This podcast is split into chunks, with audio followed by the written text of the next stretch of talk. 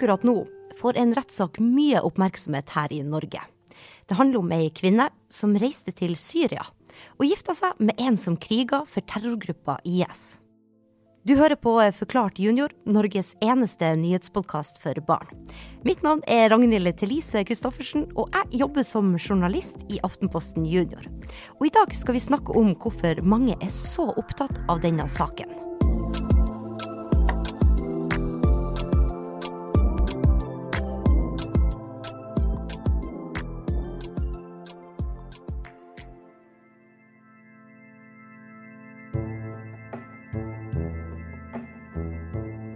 Midt mellom grensa til Asia og Afrika ligger Syria. I Syria har det nå vært krig i ti år. Krigen den starta med at mange i landet protesterte mot presidenten. Og for åtte år siden fikk ei terrorgruppe som kalte seg Den islamske staten, mye makt der. Ei terrorgruppe er noen som gjør ting som skader helt vanlige folk. Og med det skaper de frykt. Dette gjør de fordi de ønsker å oppnå noe. Og IS ville opprette en egen stat hvor alle skulle følge deres lover. Og lovene var laga etter en kjempestreng versjon av islam, hvor veldig mange ting vi har lov til her i Norge, ikke var lov. Men dette gjelder altså bare dem som var med i IS. Nesten ingen andre muslimer i verden var enig i det. Mennesker fra flere land dro til Syria for å krige for IS. Og noen av kjærestene og familiene til krigerne dro også ned dit bl.a. ei norsk kvinne. Og Grunnen til at vi snakker så mye om denne norske kvinna nå, det er fordi det er en rettssak mot henne her i Norge.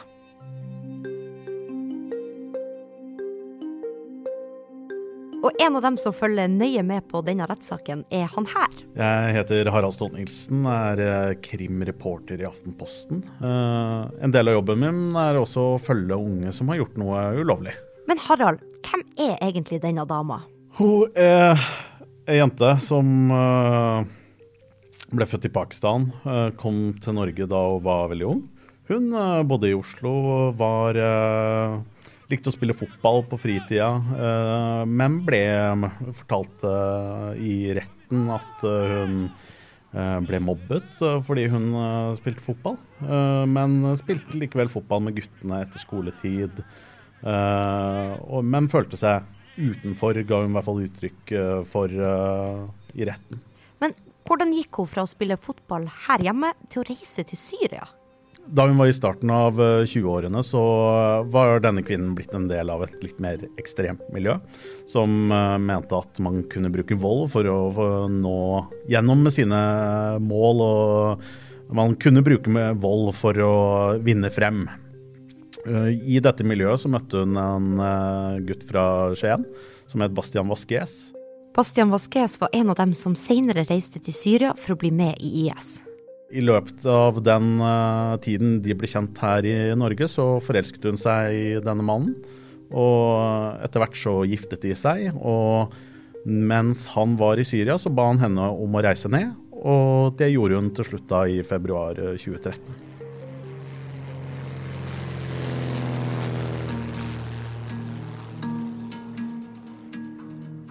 Kvinna reiste altså ned til Syria. Og mens hun bor der, så får hun og Bastian Vasques et barn. Hvordan var det nye livet i Syria for kvinna, Harald? Ganske raskt etter at hun kom ned til Syria, så uh, ble hun tvingt tvunget til å uh, ta på seg en nikab. Det er et heldekkende klesplagg som gjør at det kun er øynene dine som synes. Uh, hun ble også styrt uh, i stor grad av ektemannen, som uh, beordret henne til å lage mat, til å rydde, til å vaske, til å gjøre en del sånne husoppgaver i hjemmet som han mente at det måtte forventes at hun skulle gjøre. Kvinna sier også at mannen hennes brukte vold mot henne, og at hun ikke fikk forlate huset der de bodde. Hun forteller at hun ganske raskt ville tilbake til Norge etter at hun kom dit, men at det var farlig å si at man ville reise fra Syria. Hun har bodd og oppholdt seg i eh, deler av eh, verden som eh, var en krigssone.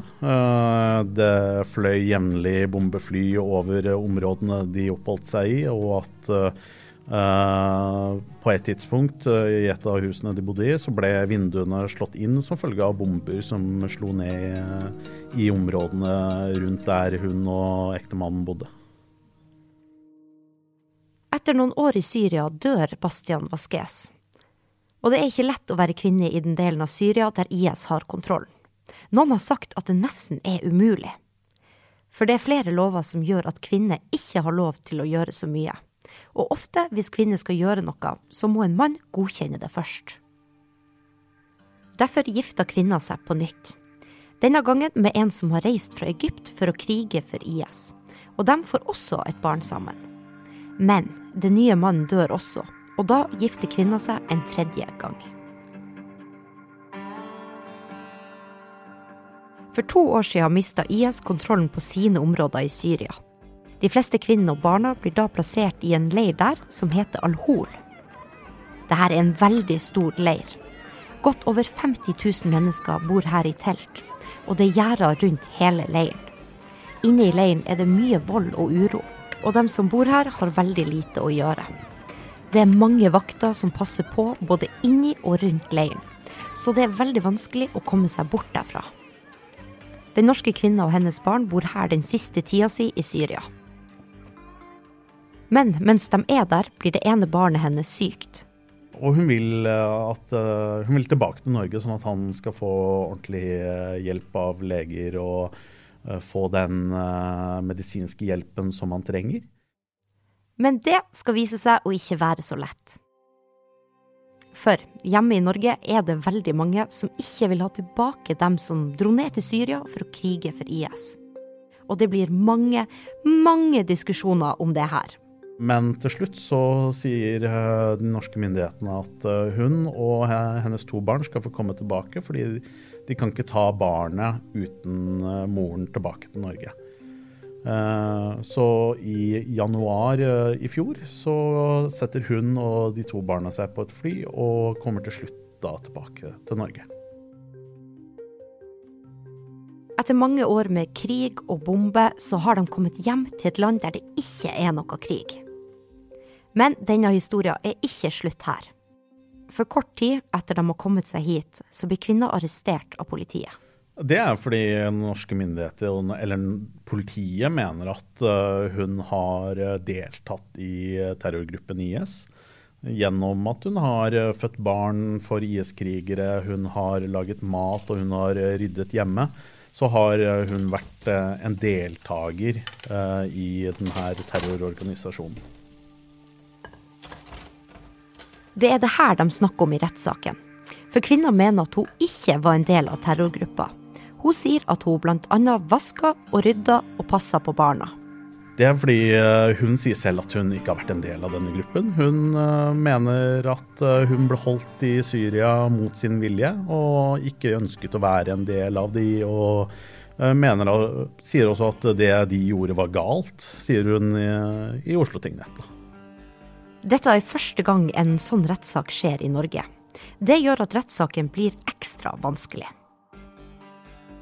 I noen rettssaker er det forbudt å ta bilder, og dette er en sånn en. Derfor ser vi bare tegninger av kvinnen i f.eks. aviser. Så hva skjer nå? Det får du vite mer om etter ukas konkurranse. I forrige episode så snakka vi med utviklingsministeren i Norge, og han het Dag Inge Ulstein. Det visste bl.a. Skage på ni år fra Høvik, Ramadan fra Alver og Emin på sju år fra Moss. Gratulerer, dere får ei forklart junior-T-skjorte. Og nå til dagens spørsmål. Hvor ble kvinna vi snakker om i denne episoden, født? Vet du svaret, eller sitter du kanskje og hører denne episoden i lag med klassen din? Da må du, eller alle dere, sende oss svaret til post alfakrøllaftenpostenjunior.no. Og vinnerne får selvfølgelig ei forklart junior-T-skjorte hver.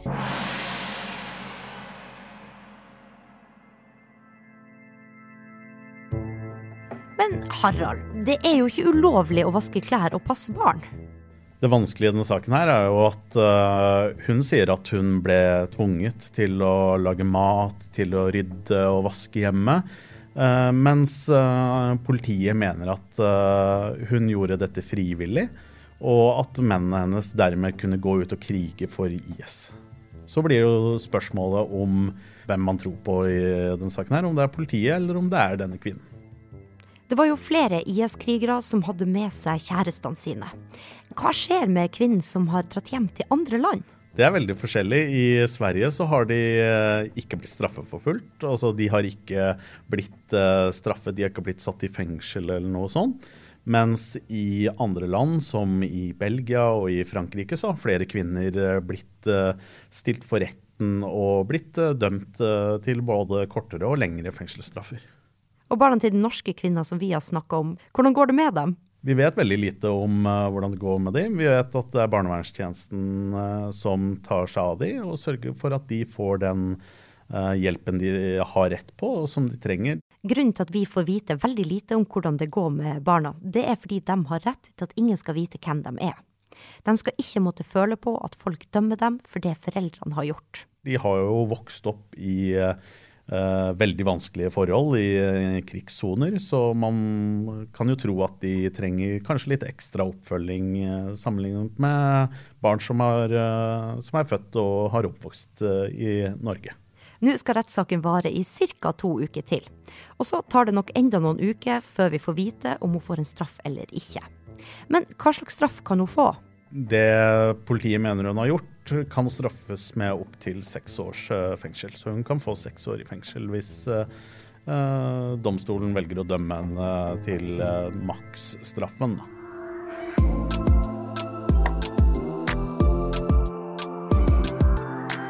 Hva vil du lære mer om? Send oss en e-post til post alfakrøll aftenpostenjunior.no og fortell oss om det. Du har hørt på Forklart junior jeg heter Ragnhild Thelise Christoffersen. Produsent er Fride Næss Nonstad, og Mari Midtstigen er ansvarlig redaktør. Vi høres neste uke, og jeg gleder meg.